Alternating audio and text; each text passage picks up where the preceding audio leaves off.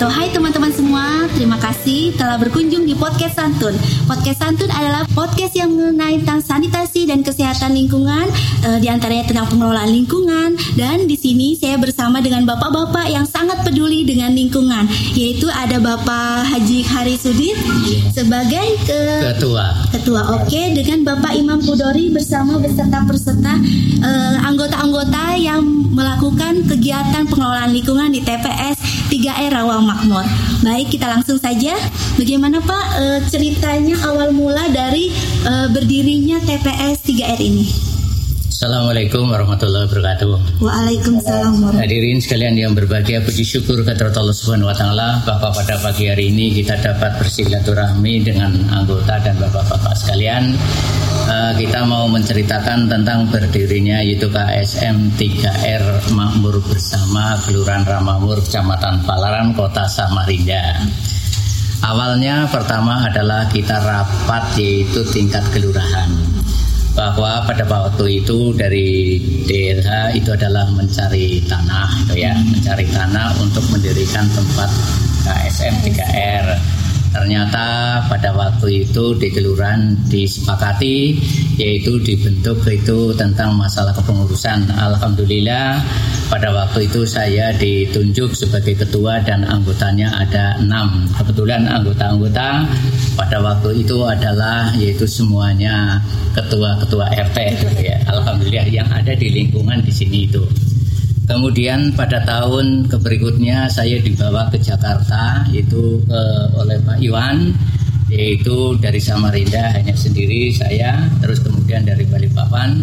Setelah pulang dari Jakarta itu alhamdulillah dibangunkan yaitu tempat ini oleh pemerintah pusat ya setelah dibangunkan sekian tahun baru kita bergerak yaitu rapat-rapat di tingkat kelurahan yaitu dengan RT-RT yang isinya daripada sampah itu dibuang nggak ada nilainya sehingga kita menganjurkan masyarakat lewat RT-RT untuk membawa sampah ke tempat sini yaitu sembarang sampah dan dibeli juga itu yaitu antara lain.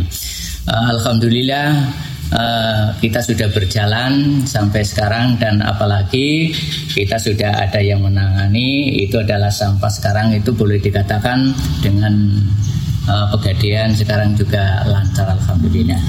Mungkin untuk sementara apa waktunya sedikit jadi itu saja. Jadi yang pada prinsipnya alhamdulillah sampah-sampah dari masyarakat yaitu sudah bisa diambili pakai mobil atau pakai motor. Kebetulan kita ada VR itu ada dua. Satu pemberian yaitu dari pusat dari Jakarta. Yang kedua adalah kerjasama dengan Pegadaian ya alhamdulillah yaitu dikasih yaitu VR untuk mengambil sampah-sampah. Apalagi dari Pegadaian ya kukira ini uh, kontribusinya besar bisa membuatkan itu taman-taman di lingkungan di sini.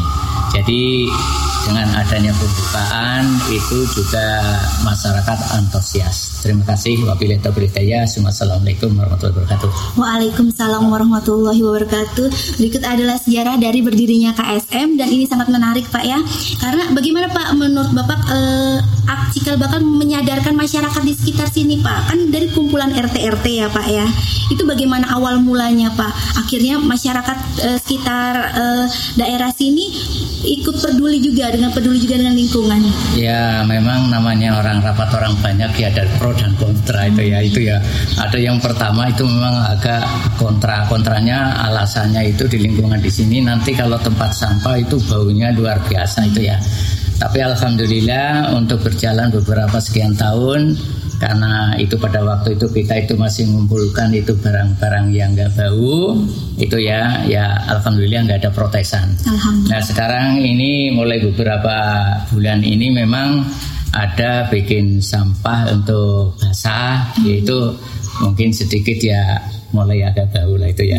Tapi kondisi masyarakat ini ya entah kayak apa ini belum masih kita tunggu kalau memang nanti ada eh, bau dari lingkungan ada protes upama ya saya minta solusi bagaimana caranya untuk menghilangkan bau di lingkungan. Mungkin itu aja. Oke, terima kasih Pak ya. Terima kasih untuk Pak Harisudin. Oke, berikutnya ada uh, Pak Imam Pudori yaitu merupakan salah satu uh, direktur bank sampah dari TPS 3R di Rawa Makmur. Ya.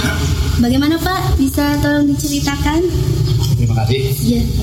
Assalamualaikum warahmatullahi wabarakatuh. Waalaikumsalam warahmatullahi wabarakatuh. Nah, kenalkan nama saya Imam Kudori. Di sini saya sebagai direkturnya bank sampah di Rawamangun yaitu bank sampah makmur bersama yang diprakarsai oleh uh, Kampung Kapi Rawamangun.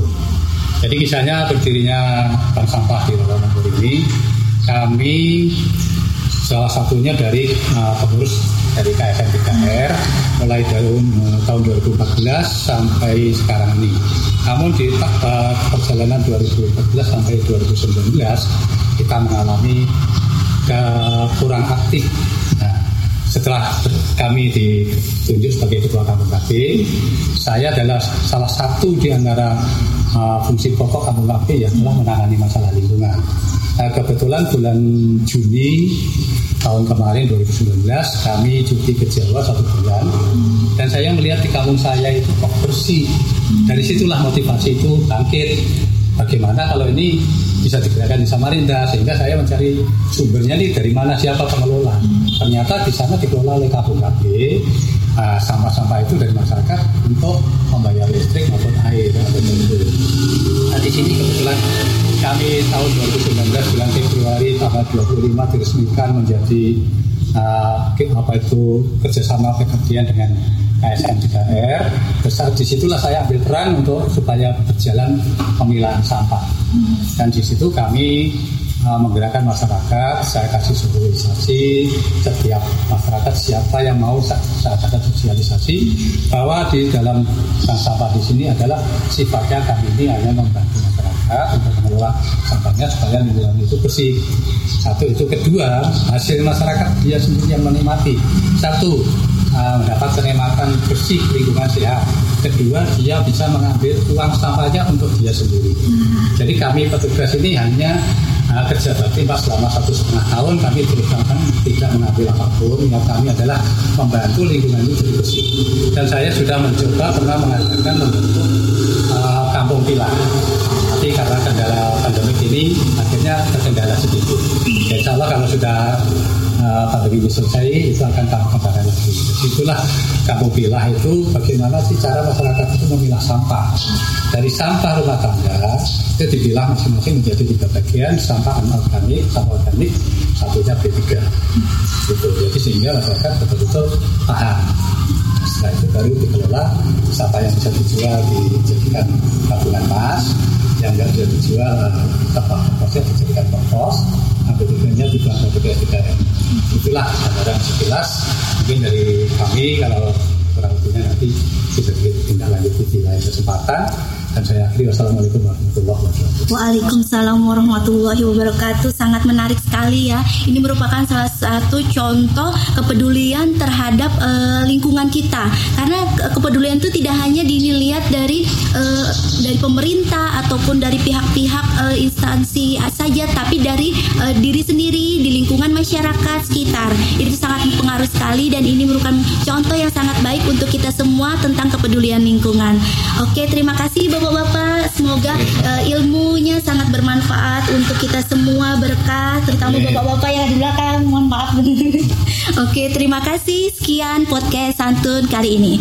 Sampai jumpa. Wassalamualaikum warahmatullahi wabarakatuh. Waalaikumsalam warahmatullahi wabarakatuh.